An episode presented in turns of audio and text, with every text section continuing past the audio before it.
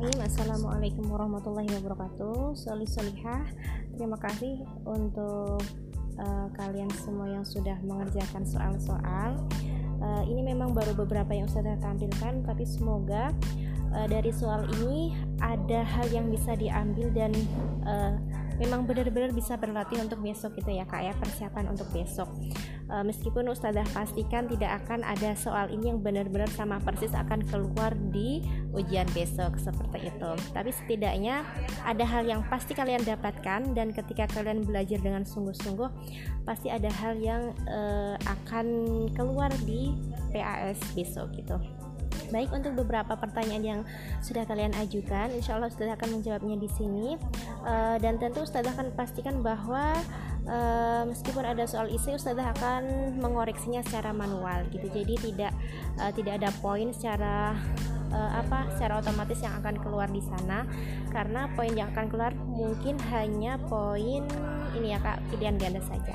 Baik, di sini ada beberapa yang bertanya. Yang pertama, gimana caranya mengidentifikasi atau uh, ciri-ciri teks deskripsi, narasi, fantasi, prosedur dan LHO. Nah, uh, Ustazah uh, tegaskan terlebih terlebih dahulu di awal bahwa uh, di semester ini hanya empat uh, teks yang kita pelajari gitu ya. Jadi hanya deskripsi narasi fantasi itu jadi satu prosedur dan LHO gitu ya. Jadi kalau di sini ada yang bertanya narasi fantasi? Itu artinya dua teks yang berbeda. Padahal narasi dan fantasi itu uh, satu nama ya. Teks narasi dalam kurung cerita fantasi gitu. Caranya gimana membedakan gitu? Nah pastikan dulu kalian paham struktur masing-masing teks dan ciri kebahasannya kalau kalian mau membuka buku nih udah jelas banget berbeda. Kalau tes deskripsi narasi atau fantasi prosedur dan LH itu berbeda gitu.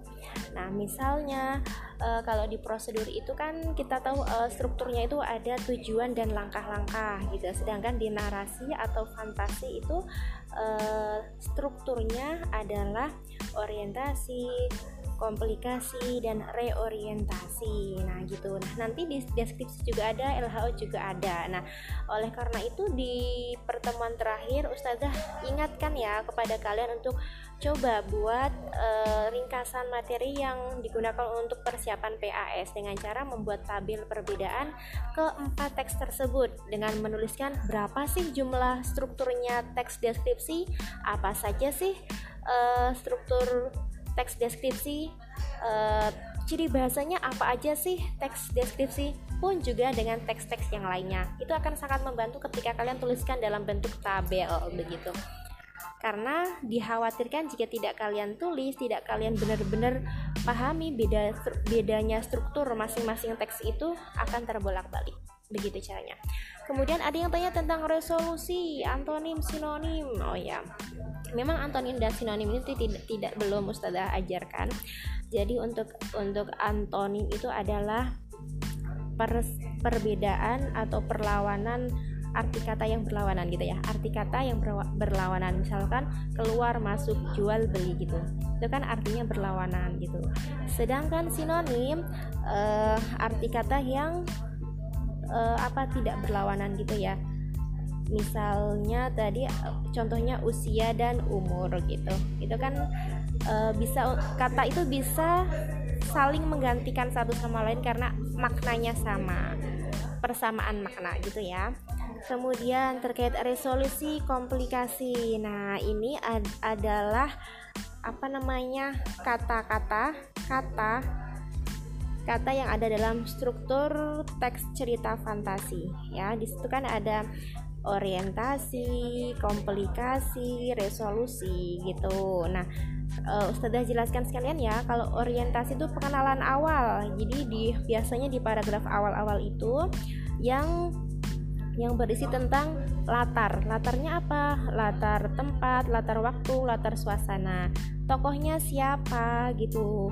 Uh, uh, apa namanya sifat tokohnya seperti apa. Nah gitu. Kemudian ada setelah itu ada struktur komplikasi. Nah itu adalah masalah-masalah gitu ya. Kalau kalian ingat penyakit komplikasi itu kan sesuatu yang bermasalah dalam tubuh kita. Sama seperti dalam sebuah teks ketika ada struktur komplikasi di situlah sedang terjadi permasalahan dalam cerita. Kemudian yang ketiga ada resolusi ya. Resolusi. Nah, itu adalah uh, akhir sebuah cerita dalam cerita fantasi yang berisi solusi atau penyelesaian masalah. Begitu.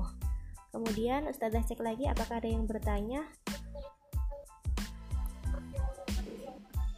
Oke, untuk materi berikutnya apa Ustazah yang akan dipelajari? Oke, udah nggak sabar ya di semester berikutnya Insya Allah kita akan belajar tentang puisi rakyat, fabel, e, membaca buku efek dengan efektif. Insya Allah akan ada project membaca novel. E, kemudian satu lagi apa ya Ustazah lupa. Nah itu ada Insya Allah ada empat. Kemudian e, apa lagi nih yang ditanyakan? pengertian konklusi konklusi itu simpulan ya kak ya cuman dalam biasanya konklusi ini berarti hanya ini ya pengecoh jawaban pengecoh karena dalam empat teks teks kita gitu ya uh, itu nanti biasanya menggunakan kata penutup kesimpulan gitu jadi konklusi itu uh, apa namanya artinya adalah kesimpulan dari suatu teks gitu Oke, baik. Sejauh ini belum ada lagi yang ditanyakan. Uh, terima kasih yang sudah bertanya. Ada yang memberikan masukan, uh, ada yang apa namanya benar-benar gak ada pertanyaan gitu. Oke, okay. oke okay, terima kasih kak untuk tanggapannya. Ustazah doakan yang terbaik untuk kalian. Jangan lupa belajar uh, berdoa dan mohon ridho dan doa dari orang tua.